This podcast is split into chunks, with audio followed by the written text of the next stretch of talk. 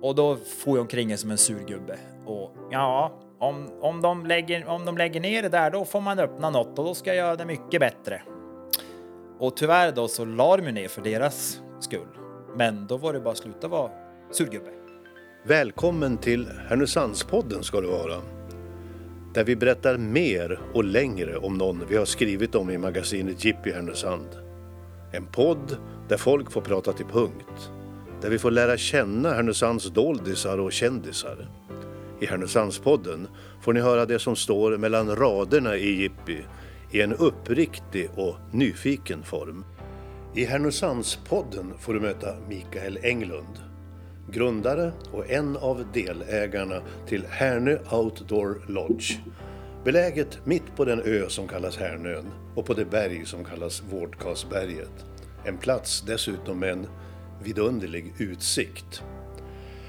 Ja, det är en spännande resa Mikael gjort, vetenskapsjournalisten som idag kallar sig en entreprenörssjäl med passion för möten mellan människor. Vi hoppas få höra mer om passionen, hur hans väg upp till toppen på berget varit, vad som lockat, vad som utmanat honom i livet. Välkommen du som lyssnar till ett nytt möte på Härnösandspodden. Vi är naturligtvis på plats på Vårdkarlsberget inomhus fast det heter Outdoor Lodge. För den här morgonen är det ett riktigt höstrusk och regn utomhus. Och det är inte så lyckat just idag, Mikael? Nej, idag har vi en eh, större konferens, eller en fyra dagars konferens där första dagen idag så ska de dels konferera lite grann på eftermiddagen inne men sen har de en, där våran smakvandring ska de gå där vi vandrar ute, kommer fram till en eldplats där det står en kock och vi har dukat upp med finporslin och liksom man får äta en, en avsmakningsmeny ute i naturen och eh, det kan man göra utan regn. Men ja. vi får försöka lösa det. Vi, vi har, jag har lånat några segel som vi ska spänna upp och sådär. Så, så, så vi... du, du, sitter lite grann på nålar ut. Nu måste du upp och göra ett jätteparaply för att uh, det ska smaka precis som ni vill. Jajamän, Jajamän så att deras upplevelse ska, ska, ska bli så bra som, som ja. möjligt. Det blir ingen utspädd soff, soppa på grund av för mycket regn? nej, nej, det blir det inte. Hörru du, när, när, när besökte du för allra första gången vårdkasen? Nej, men det var egentligen för ungefär fyra och ett halvt år sedan då vi, vi bodde i Umeå, min familj. Och jag eh, har kompisar som bor i Härnösand och stannade till en natt på väg till Stockholm eh, och sov över och började prata lite grann om Härnösand och varför de, de är inte heller från Härnösand, varför de bodde här. Och jag började se småstadens liksom, fördelar och framförallt naturen. Då var vi, då var vi hit till, till Vårdkasin, vi var ute på Smitingen och tittade, började kolla huspriser och ja, det, de är bättre än i Umeå. Så att eh, vi, både jag min fru hade tjänst i Stockholm, jag drev eget. Så att vi, vi åkte utomlands i två veckor och åkte och tittade på ett hus två veckor senare. Och en och en halv månad senare hade vi flyttat hit. Och då flyttade ni in, var då någonstans? Eh, på Stenhammar, med ski in från, eh, från Vårdkasen såklart. Ja, så du har väldigt nära till jobbet numera? Ja, verkligen. Nej, men och det här var, Vårdkasen och hela Härnön var ju en jättestark bidragande anledning till varför vi flyttade hit. För det är en fantastisk plats med en väldigt lättillgänglig natur och det upptäcker man ganska snart. Har man barn, gillar man att vara ute i naturen och vi har tre barn och då var äldsta sju. Så de var tre, fem och sju. Och här är det väldigt, väldigt enkelt att ta sig ut. Det är, det är nära till mycket och, och enkelt helt enkelt. Ja, det är väl härligt att ge en positiv bild. Det har ju varit kamp mellan Sundsvall och Härnösand och Umeå om vad som är lärdomsstad och huvudstad. Och, men du valde småstaden. Ja, det här alltså fördelen med att ha 5-7 minuter precis överallt. Umeå är ingen jättestor stad, men redan då vi bodde där, så vi bodde lite utanför också, så, så eh, blev det mycket köra. Och det är stor skillnad här i Härnösand. Men Härnösand, om man då jämför med Kalix, där jag kommer ifrån, så känns ju Kalix som Ryssland i jämförelsevis med här. Och Kalix är inte jättemycket mindre än vad Härnösand är. Därför att i och med att det är en gammal residensstad så har den en väldigt härlig känsla som stad också. Trots att den är liten. Ja, vi ska återkomma till det där. Men som sagt var, almanackan verkar ju ganska fullt tecknad. Vi fick boka in ett morgonpass här vid åtta på morgonen. Det är som sagt var mycket på gång. Ja, nej men vi har, vi har alltså, det har, det, vi öppnade i december och sen dess har det varit full rulle hela tiden. Eh, från början var det jättemånga Härnösandsbor som var nyfikna och ville komma och kom, och kom hit. Sen där i april, maj då så hade vi en liten dipp innan då sommaren och alla turister kom. Där vi fick uppsving, eh, uppsving igen. Och nu, nu är det ju framförallt företag och grupper som vi har jobbat mest med. Ja, du väntar alltså in, vad var det, 20 miljökonsulter? Jajamän, de kommer hit. Eh, och det är ju just den här, den här grejer, det, och det tycker jag är så jäkla häftigt. Att vi, vi, vi vann en, en, inte en upphandling, men de hade, hade ute på offert i Åre och här. Och att vi här kan ta hem en sån grej. Som det är ganska stor, för alltså det är en fyra dagars med hela paketet. Men, och det, här, det handlar ju inte bara om vi, det handlar ju om varumärket Höga Kusten. Att det är starkt, att vi kan rida på det. Men också att vi har såna härliga fina grejer i närheten av oss. Så de kommer såklart inte bara vara hos oss. De ska till Härnögin på ginprovning och käka middag där. De ska till Skuleberget och klättra hade de ju tänkt göra. Men det kommer de inte kunna göra på grund av regnet. Eh, så de kommer gå upp på Skuleberget. De ska till Hemsön och palla kajak och cykla mountainbike. Och det är det här att det finns så mycket i närheten som vi kan paketera ihop med som är välkända varumärken. Så vi har verkligen en, en, en kraft i det där som är mer än bara vi lilla här liksom. Men alltså det går att locka med lägre eld och utomhus och konkurrera med Åre? Absolut, och jag menar jag tänker liksom att vi här, vi är bara i början på, vi är bara i början på våran resa, vad vi vill göra. Vi, vi har ju ambitioner om att vi, nu är vi i våra restaurang här, men tittar man ut, nu har det faktiskt lättat lite grann också så att man, man ser faktiskt ut också så är det en helt otrolig utsikt. Och vi vill jobba ännu mer med utomhusmötet, inte bara att man har aktiviteter ute. Vi kommer bygga alltså utomhusmöteskonferensanläggning så att man faktiskt har mötet utomhus. Ja, du är inte rädd för regnet? Nej, men då får man ju väderskydda. Ja, men när man tittar ut där så förstår vi ju hur vi ska ta emot gäster. Ja. För det börjar ju spricka upp. Ja, ja men så är det. Så att vi vill ju liksom utmana möteskulturen i Sverige. Att, att våga faktiskt ta sig ut. Alltså, du måste inte sitta vid ett U-bord för att du ska kunna kalla det konferens. Vi kan ta som exempel i det här konferensrum, lilla konferensrummet som vi sitter i nu. Här, har, här finns det inga vanliga bord och stolar. Det vi har gungor, jag sitter själv på en gunga. Vi har gungstolar. Vi har, vi har ett vanligt bord också. Men alltså att, att idag då du har ett möte så måste du inte sitta, du har, sitta liksom vid det här klassiska uppställda. Utan du kan ha ett möte där du sitter i en gungstol med laptopen i knät. Och ja, och jag sitter som sagt, det är gedigna trä konstruktioner. Men man sitter väldigt skönt, man, får, man kan röra på sig lite grann. Mm. Och det, kan... händer ju något i kroppen på oss då, vi, då du sitter som du sitter i gungstol och jag sitter på en, i en gunga. Eller utomhus. Och vi vill ju använda naturen som naturen är. Inte, det måste inte vara yxkastning och massa liksom, aktiviteter så, utan att naturen i sig skapar ju någonting med oss människor. Och det vill vi få fler, eh, dels fler människor såklart, att få fler att röra på sig men också en del i det vi gör är att få företag att fatta och grupper att de ska använda naturen. Tillbaka till naturen. Naturen har ju redan gjort allt det där som ja. vi försöker mm. göra. Precis, och vi, vi tänker så här att eh, SCA de tjänar ju pengar på att skogen växer och så hugger de ner den. Vi tänker att vi kommersialiserar på skogen fast den får stå kvar. Vi använder skogen och naturen i det vi gör fast den står kvar. Innan vi fortsätter att resonera om hur man verkligen bygger ett starkt varumärke och på det sätt som du vill. Så vägen som lett hit, vem är Mikael Englund? Och som sagt var, dina rötter i Kalix, hur starka är de? Ja men de är, alltså jag kommer från Kalix, bandyort. Eh, spelar bandy hela livet. Eh, och, eh, men flyttade från Kalix ganska snabbt som man, många gör. Flyttade till Umeå och började plugga och liksom eh, var där och, och de, de åren, då var det, Kalix betydde inte så mycket då. Men sen när man fick barn själv och sådär så har ju det betytt oerhört mycket. Och jag tror också den här att växa upp i en mindre ort också gjorde att jag själv kände att jag vill att mina barn ska växa upp i en mindre ort. Vad var det som lockade med bandyn då? Ja, men bandy är ju en... Ja, det, det går inte att förklara för någon som inte begriper. Alltså, det är en väldigt speciell sport. Eh, folk har ju sett det på tv och tycker att ja, men vad är det där, vad är det där för någonting? Men, men att spela, det är en speciell, väldigt speciell kultur. Eh, jag har också, nu när jag flyttat tillbaka hit till Härnösand, har jag börjat spela, spela själv också. Så jag spelar tre säsonger med Härnösands A-lag. Eh, Nu i år så kommer delvis den här verksamheten men också att barnens bandy kommer få gå före mitt eget eh, spelande. Men det är faktiskt så att det är svårt, det, det är en väldigt speciell kultur i bandyn som jag gillar jättemycket. Som har mycket med, med kamratskap att göra och som har mycket med hjärta att göra som, eh, som är svår att förklara.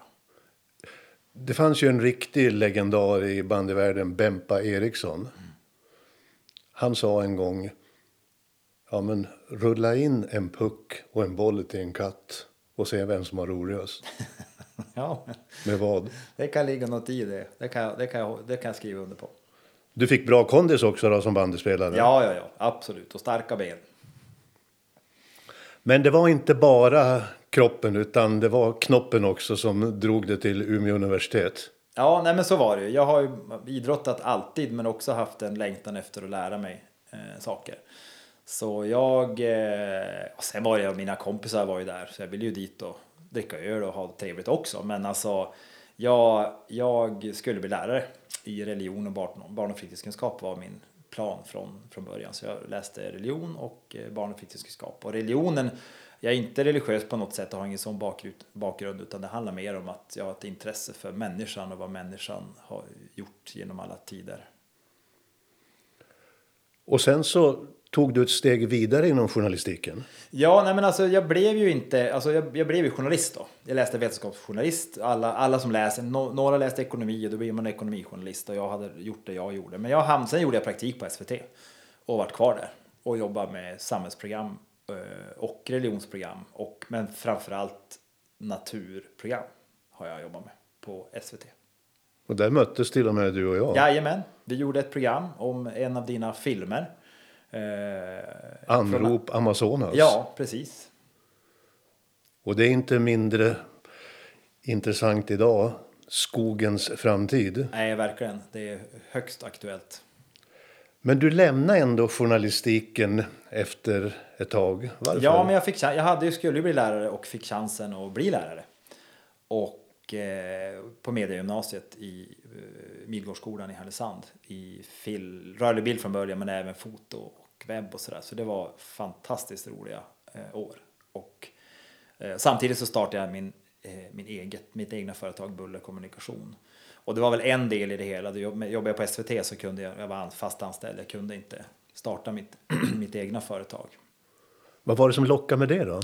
Ja men alltså det var ju framför det, även där handlade det mycket om alltså att lära sig nya saker. Jag började jobba med webb och med alltså sökmotoroptimering, hamna högt upp på Google och alltså sådana som, är, som jag tyckte var spännande och, och, och, och tar man det här med hamna högt upp på Google, det är ju liksom det finns så mycket att lära sig kring det som är som och att det blir lite tävling i en sån sak. Ja, men nu ligger vi etta med det där sökordet. Det är ju jättespännande tyckte jag. Nej, men, så att det var väl, det var väl alltså att lära sig nya saker och få fota och, och även att jag jobbar ju också med utbildning där i företaget. Var ligger Herne Outdoor Lodge? Vilket ord ligger högst nu då på Google? Ja men alltså, alltså Härnö, alltså om man tittar på eh, Härne Outdoor, alltså varför vi ens valde det namnet. Det här heter ju Toppstugan från början. Och så var, varför, hur kan de ens komma på något så knasigt namn så långt ifrån? Men dels handlar det om att uppe på Skuleberget så finns det en Toppstugan redan. Och vi vill inte vara med och konkurrera där så vi behöver hitta ett annat namn än just Toppstugan. Men sen, sen jag flyttade hit så har jag ju sett här, Härnön, Härnösand ligger ju på Härnön. Det är, Härnösandsborna vet om det men ingen annan vet om det. Man känner till Härnöjin med E. Eh, så Härnön är ju det som ligger överst. För vår ambition här handlar ju om att vi vill eh, göra Härnön till ett besöksmål. Om fem år då ska folk komma till Härnön. Man ska, ja, men vi, ska, vi ska upp till Höga kusten och så ska vi till Härnön. Så det, det är vår långsiktiga vision och det är inget vi kommer att göra själv eh, och kan göra själv utan det kommer vi behöva samarbeta med andra. Så det, det kommer komma längre fram ett stort arbete kring det. Fem snabba frågor. Inomhus eller utomhus? Utomhus. Berget eller havet? Svårt, men jag säger berget. Härnön eller fastlandet? Härnön såklart. Morgonpigg eller kvällsmänniska? Morgonpigg. Så in i bänken. Böcker eller tidningar? Ja, men både och. Tidningar väljer jag nu. Sen eh, barnen kom har det blivit mindre böcker, men däremot ljudböcker och poddar. Men innan det, du kom till Härnösand, men innan det blev, och den hette ju Toppstugan, men från början hette den ju Vårdkaststugan, så att eh, mm. Härnö och Vårdkasen mm. kanske funkar fortfarande. Mm, absolut, och vi pratar ju om Vårdkasen också i, i vår marknadsföring. Men du har också marknadsfört Höga Kusten Turism. Mm. Ja, innan det här, hela upprinnelsen till varför vi har den här stugan är att Eh, Eh, eller varför vi har Herne Outdoor är att jag var VD för Högkusten Turism som ägs av ungefär 120 besöksnäringsturistföretag i Höga Kusten via en ekonomisk förening. Sen finns i Höga Kusten Destinationsutveckling som är det offentliga kommunala destinationsbolaget. Men jag jobbade för de här företagen och då träffade jag ju väldigt många företagare och kände, kände vart, då blir man ju peppad att göra något eget. Men jag var egentligen inte i läge att göra det just nu. Eh, med små barn och liksom med allt vad det innebär. Eh, men eh, här uppe på Vårdkasen, vi, vi var ju mycket här uppe eh, i slalombacken. Men det här var stängt då slalombacken var uppe. Och vi var hit och käkade någon gång på jättebra liksom det de gjorde då. Men just det, det var den här tillgängligheten som, vi, som jag inte tyckte om eh, tidigare. Och då får jag omkring som en sur gubbe. Och ja, om, om, de lägger, om de lägger ner det där då får man öppna något och då ska jag göra det mycket bättre. Och tyvärr då så la de ner för deras skull. Men då var det bara att sluta vara surgubbe. Och då hittade du några fler också? Ja, precis. Och då, då Torbjörn, då, egentligen det, upprinnelsen var att jag var VD för Högkusten Turism och Torbjörn Ulsten på Mjällholms var ordförande i Högkusten Turism. Och då pratade vi med varandra, med varandra om att ja, men vi måste ju fixa eh, vi måste ju fixa någon entreprenör dit upp som har vett, som förstår att använda naturen. Det var så det började. Vi, vi, vi tänkte först inte att det var vi, men vi började prata i det här och sen bara ja, men kanske vi kanske vi ändå ska göra det. Så vi fick ett, men utan att vi liksom hade bestämt det. Men vi hade ett möte med kommunen angående det här. Att han då i sin roll som ordförande och jag med roll som VD Eh, för Högkusten Turism om att nu måste vi hitta någon entreprenör. Och vi hade ju hunnit tänka de här tankarna lite grann. Och så berättar vi om alla möjligheter. De, kommunen ser ju samma möjligheter som vi så mycket. Eh, och Jippi har ju också gjort ett jättefint, som har en, en, i de tidigare nummer av Jippi finns det en jättefin bild av möjligheter för hela vårdkasen att utveckla den. Nej men och där på mötet så då, då, då sa vi att ja, men vi behöver hitta någon som, som kan driva det här och använda berget. Och då tittade Eh, Uno Jonsson, tillväxtchefen på oss och sa ja men är inte ni? Och vi hade ju tänkt tanken, men det var ändå en sak som han direkt liksom, va, men det kanske är det ni. Nej, och sen så steg två var ju att vi eh, eh, jag med mina erfarenheter, jobbar mycket med marknadsföring, jobbar mycket med event och jobbar med naturen och hade jättemycket att bidra med här. Och Torbjörn han har ju sitt uppe på, uppe på Mjällom så att så det, det operativt skulle inte han kunna vara involverad i det här. Så vi sa att vi måste hitta en till och gärna med någon med erfarenhet från restaurang eller hotell och sådär. Men hur gör man, hur gör man det? Alltså att starta ett företag med någon, det är ju som att gifta sig med någon. Det, det, det gör man inte bara. Och i den vevan så då pratade jag med Maria som är ordförande på, i, i Alpina. En helt annan fråga. Och vi pratade på och så sa ja men vi skulle behöva hitta en till. Och då sa hon, jag tror jag har en. Och då Sandra då som är med och driver det här, hon var aktiv i Alpina och hade kommit, hon har jobbat i hotell eh, hela sitt yrkesliv egentligen, men sista tre åren bodde de i Idre då var hon chef på Systembolaget. Men sen flyttade de hit för de har en hörselskadad son som går på Kristinaskolan. Och de... Eh, eh hon var arbetslös och eh, kollade runt på campingar och ville starta eget inom besöksnäringen. Så på pappret, då jag fick höra det, vi vart ju eld och lågor, alltså det kändes som hur bra som helst. Så vi sågs i Friluftsbyn. Jag var där dagen efter tror jag, eller två dagar efter. Eh, jag var där och tältade. Så Torbjörn kom dit, Sandra kom dit och så var jag där. Och så pratade vi en timme och så kändes allt så jäkla bra. Så då sa vi, ja men nu då? Vad gör vi nu? För det kändes så bra. Men samtidigt så bara, ja men vi har pratat med varandra en timme, ska vi starta? Ja, men det fick lägga sig lite grann. Men sen till slut så vart det liksom, ja men det kunde inte bli bättre. Vi kompletterar varandra på ett oerhört bra sätt. Eh, vi tre. Så nu är det här ett eh, koncept sen, eh, du sa sen i december förra Ja, vi året? startade i december. Men eh, det vart väl 100% bestämt i september. Ja, men ganska precis ett år sedan. Eh, vart det klart att vi skulle driva det här. Om man tittar bakåt då, hur känns det här första året? Ja men alltså det är helt fantastiskt. Alltså det mottagandet vi har fått från både folk, turister som kommer hit, besökare, men, men framförallt från Härnösandsborna. Alltså den, dels alla möten med alla som har redan varit i stugan, folk har gift sig, folk har varit här och druckit choklad, och de har växt upp, de har varit i backen. Och att det är så många Härnösandsbor som verkligen genuint tycker att det är spännande och roligt det vi gör. Så att Eh, det har varit helt fantastiskt. Sen när man ju, alltså, sen när man ju liksom, man vill mycket och man, men, och man vill utveckla grejer och vi vill hitta på det ena och det andra. Men sen är ju liksom verkligheten är ju att vi vill hellre liksom, vi vill bygga det långsamt och sen ska man ha pengar att göra det man vill göra. Så det får komma steg för steg. Men, men att det bara är ett, inte ens ett år sedan vi öppnade är faktiskt helt Letar ni investerare? Nej, ni- nej, nej, absolut inte. Vi, vi, vi ska bygga det här eh, själv. Small is beautiful. Ja, ja, ja, absolut. Men sen vet man ju inte vad som händer med framåt med boendeprojekt och det vore ju jättehäftigt att få till boende här uppe. Och det kanske vi inte kan få till helt själv. Eh, men, men just nu, vi, vi vill bygga det här långsamt eh, själv. Om vi tittar ut nu så nu ser man ju faktiskt ut här Södra sundet och man ser det, det är ju en väldigt fin utsikt. Du kanske inte behöver sätta upp det där seglet förresten.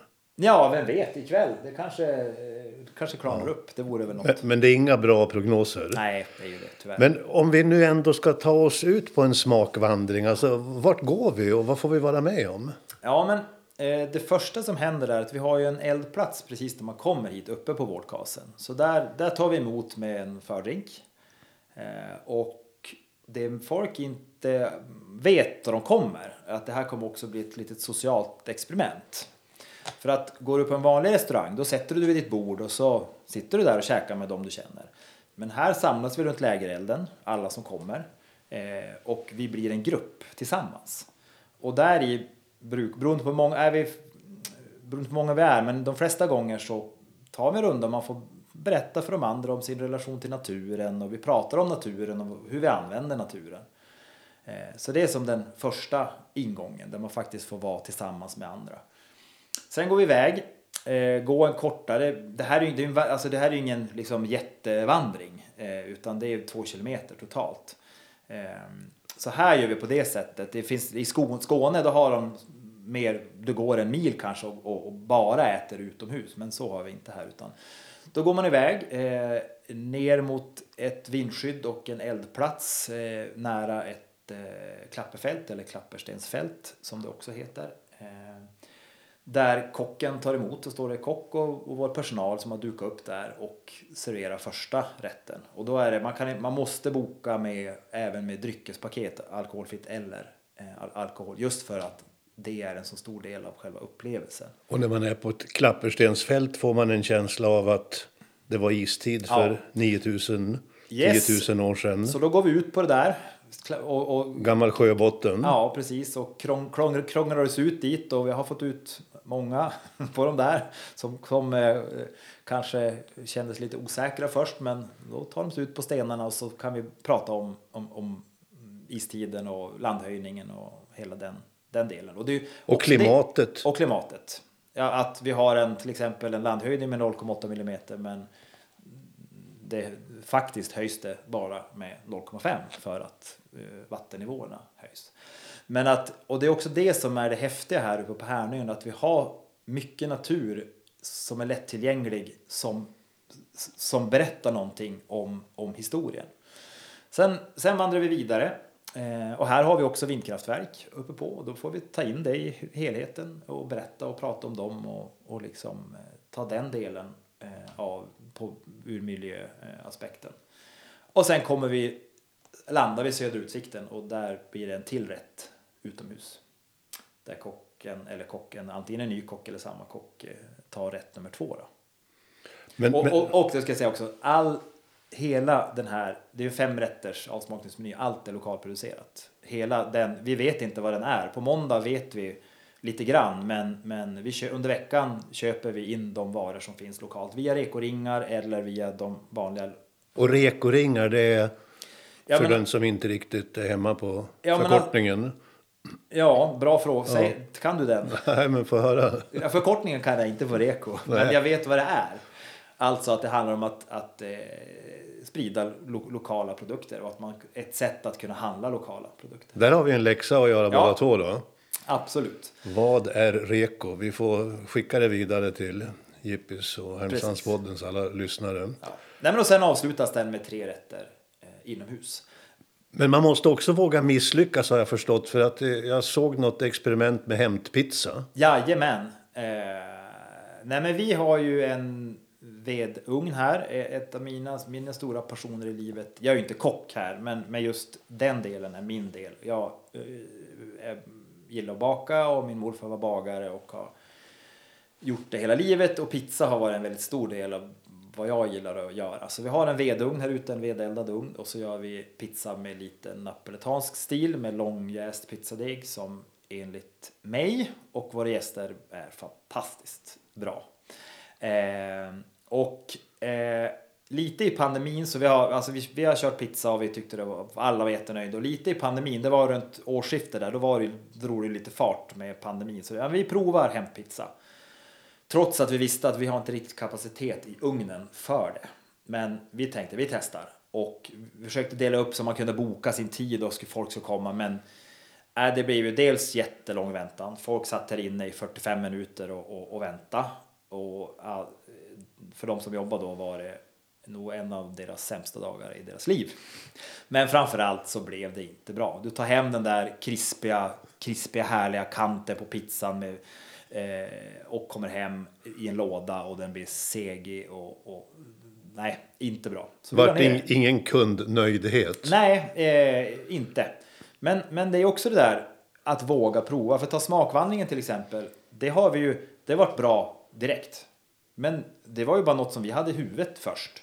Utan det handlar ju om att prova. Då kunde vi se, sen har vi, fått, sen har vi modifierat den smakvandringen och lagt till saker och dragit ifrån saker. Men ska man liksom komma, ska du inte bara starta ett franchisekoncept och starta Sibylla korv? Ja, men det kan man ju göra. Men om man inte gör det, då måste man våga prova. Men det svåra är att våga prova i lagom mängd. Man kan ju inte heller dra på sig för stora kostnader och så gick det åt pipan. Nej, men då riskerar man hela företaget. Ja, men alltså framgångsrecepten här nu då. Du pratar om Härnön och Härnösand som turiststad. Vad ser du framför dig? Du pratade om fem år. Vad är det som finns här då? Det byggs. Ja, men dels finns det ett Hernin, ett hotell. Det finns en camping nere på, på Smitingen. Det är två väldigt betydande eh, delar. Vi har fortsatt utvecklad handel. Jag tycker att vi hade tre, tre systrar från Övik som var här på smakvandring. De skulle bo på hotell på kvällen och sen hade, hade de gjort stan på, på dagen eh, innan de kom hit. Och de var helt lyriska över eh, affärerna som finns inne i Härnösands centrum. Att vi har, det är inte bara kedjor. Vi har väldigt, vi har många fina butiker i Härnösand. Så jag ser utvecklingen av den framåt, eh, fortsatt sån utveckling. Eh, men också att vi har utvecklat hela Härnön med dels vandringsleder och vandringsslingor. Idag de flesta kan, vi har ju Härnöleden som Härnösands kommun har gjort, det är ju jättebra. Och de leder som finns.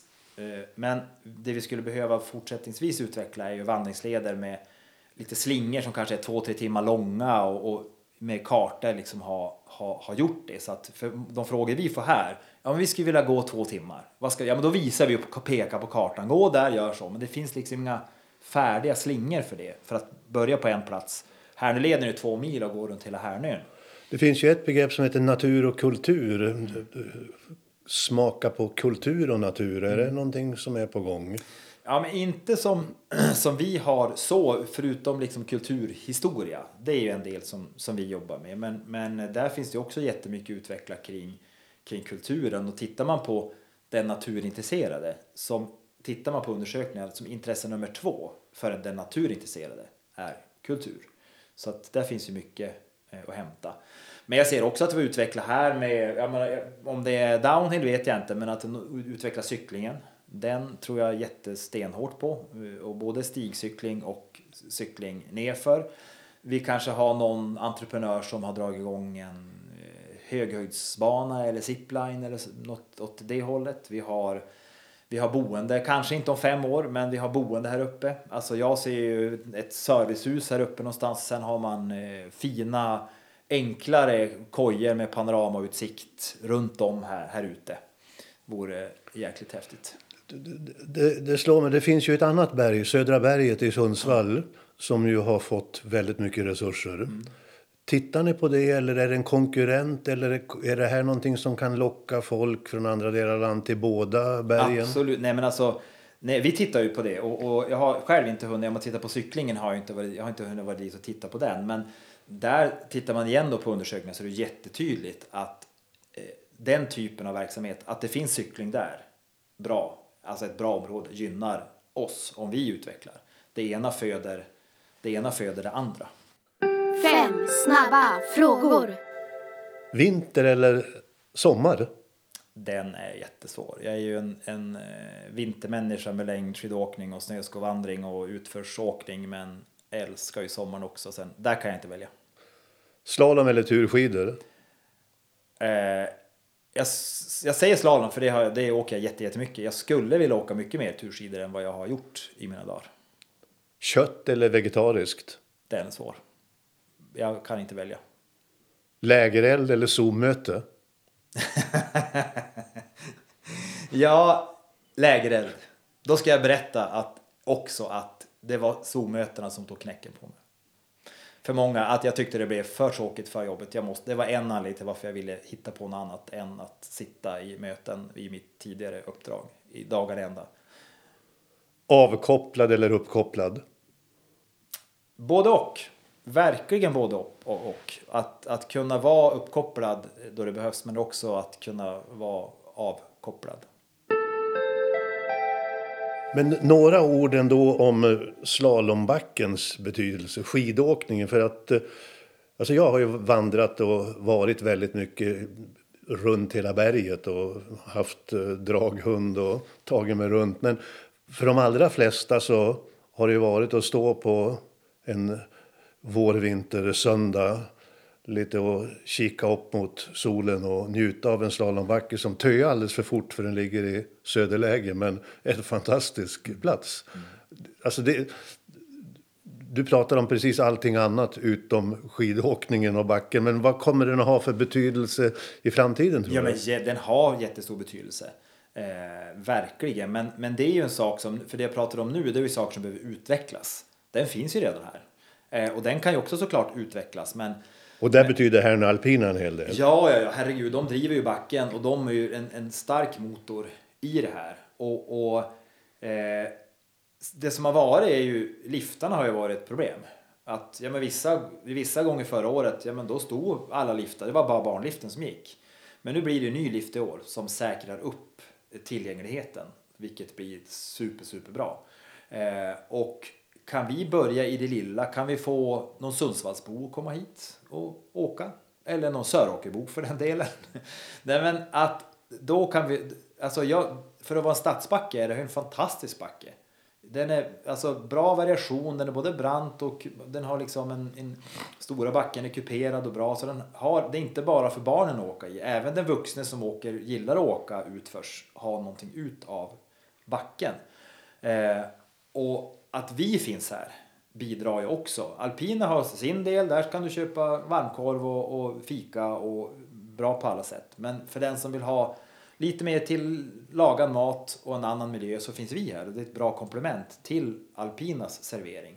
Det tror jag på sikt också kommer göra att vi kommer kunna locka fler än bara Härnösandsborna hit. Och att vi också själva kan använda det här backen för grupper och företag också dessutom. Ja, så förra vintern då hade ni egentligen ingen aning om hur det här skulle gå. Nej. Nu, det har gått ett år. Nu möter ni en ny vinter med en ny lift. En stuga som är öppen och tillgänglig. Det låter som många av dina drömmar redan har infriats. Absolut.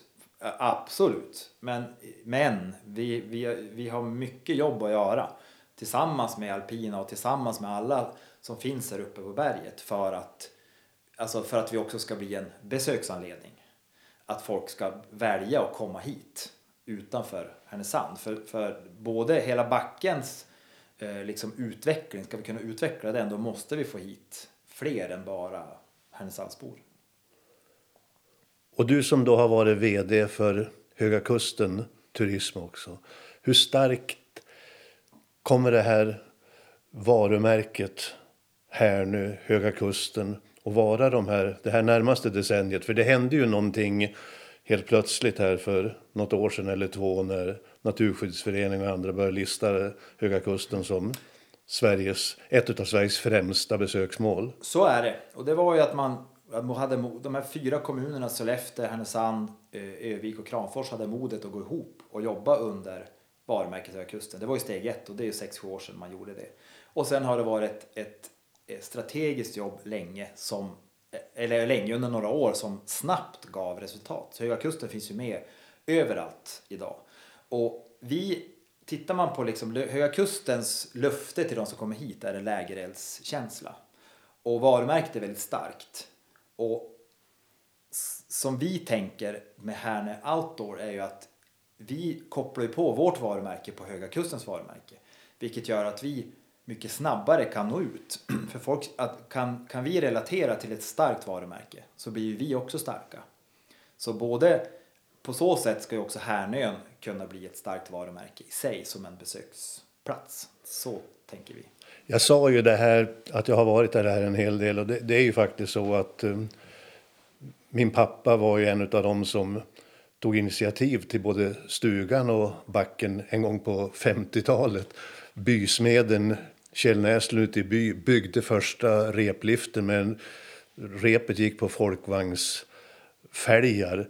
Det är klart att det, det är fantastiskt att, att, att höra allt det här. På den tiden så var det Skid och friluftsfrämjande som ordnade pjäxdans i stugan och gick med facklor nerifrån stan. Det kommer jag ihåg mina då unga föräldrar gjorde. Tror du på en revival för pjäxdansen?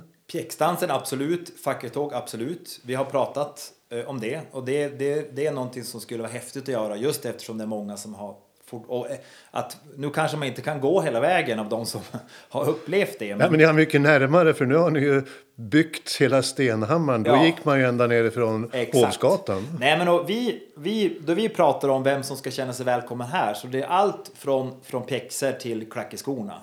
Där allt däremellan så ska, ska man känna sig välkommen och vi försöker skapa en atmosfär så att likväl om du kommer hit i längdpjäxorna eller slalompjäxorna eller om du har finskorna på dig så ska du kunna känna dig välkommen. Så det handlar mer om ett, ett förhållningssätt och ett bemötande där vi alla ska känna, känna just oss välkomna. Ja, man får väl säga välkommen till Härnösand. Det är alltså bara fyra år sedan du slog ner dina bopålar här med familjen. Jajamän, och jag är fortfarande nykär. På riktigt. Varenda dag så är det helt fantastiskt att få, få bo på ett sånt här ställe. Och man, den som, bara sådana små, små saker om man tar i vardagen. Att kunna, eh, ungarna drar iväg till skolan eller om man hämtar dem, det tar några minuter och det är så, det är ett enkelt liv. Är det någonting mer som du tänker? Vi har pratat om de här samarbetena och dragplåstren som finns här. Vad är det som ska locka fler hit? Ja, men jag, vi tänker så här. Vi vill ju ska, att Härnön ska bli ett besöksmål. Och vi har startat vår verksamhet här. Och vi ser redan nu att folk runt omkring oss ser att de gör det. Ja, men då kanske jag ska börja guida lite cykling. Att vi, kan vi bli starka och stabila här så kommer det dels smak, liksom skapa små entreprenörer som gör olika saker. Ja, men Jag blir vandringsguide eller jag jobbar med cykling eller vad det kan vara. Det är en del, att vi, liksom kan ut, att vi kan vara, vara med och vara den stabila grunden för det. Men sen för att vi verkligen ska lyckas, då handlar det om att vi i Härnösand och, och de företag som finns här och att vi går ihop och jobbar tillsammans. Nu nämnde jag Härnöin bygger ett hotell, men också handeln. Att vi tillsammans bestämmer vad är det vi ska locka med. Och jag är ju, jag, för mig är det ju så här eh, att Härnöns natur är ju det som ska locka. Sen går man på stan. Till exempel som de här tre systrarna som jag nämnde som, var, som besökte oss här. De åkte från Övik, kom på vår smakvandring. Vi var, en, vi var en besöksanledning. De hade inte kommit hit utan det. Gå på stan och var helt begeistrade över utbudet i Härnösands stad. Men de hade ju aldrig kommit på att jag ska åka till Härnösand och gå och shoppa. Det hade de aldrig gjort. Spännande att höra allt det här, Mikael. Det är verkligen mycket som har hänt på 12 månader. Jag gissar att vi får anledning att återkomma. Framförallt tacka för den här inbjudan och komma tillbaka och åka skidor igen. På min tid så var det ju låg fästpunkt. Men innan så åkte man ju guppspåret upp, åkte här, trampa upp för backen och sen åkte hela vägen ut för berget ner till stan igen. Så att man fick en bra kondis. Men du, har vi fostrat en ny bandyspelare i familjen också? Ska vi gå till Högslätten och se Hike i vinter? Absolut. Ja, men vi har ju alla mina tre ungar spelar i bandy så att något, något ska väl komma ur, ur det där. Och kanske om jag har tur så får jag vara med och spela någon match själv också. Tack ska du ha Mikael och lycka till. Tackar. Du har nu lyssnat på Härnösandspodden. Intervjun gjordes av Dag Jonsson. Ljudtekniker och producent var Martin Sundqvist på Alltid Marknadsbyrå. Musiken är gjord av Joel Nyberg på Lejonbröder. Fler avsnitt hittar du på www.harnosandspodden.se. Vem vill du lyssna på? Tipsa oss på info at harnosandspodden.se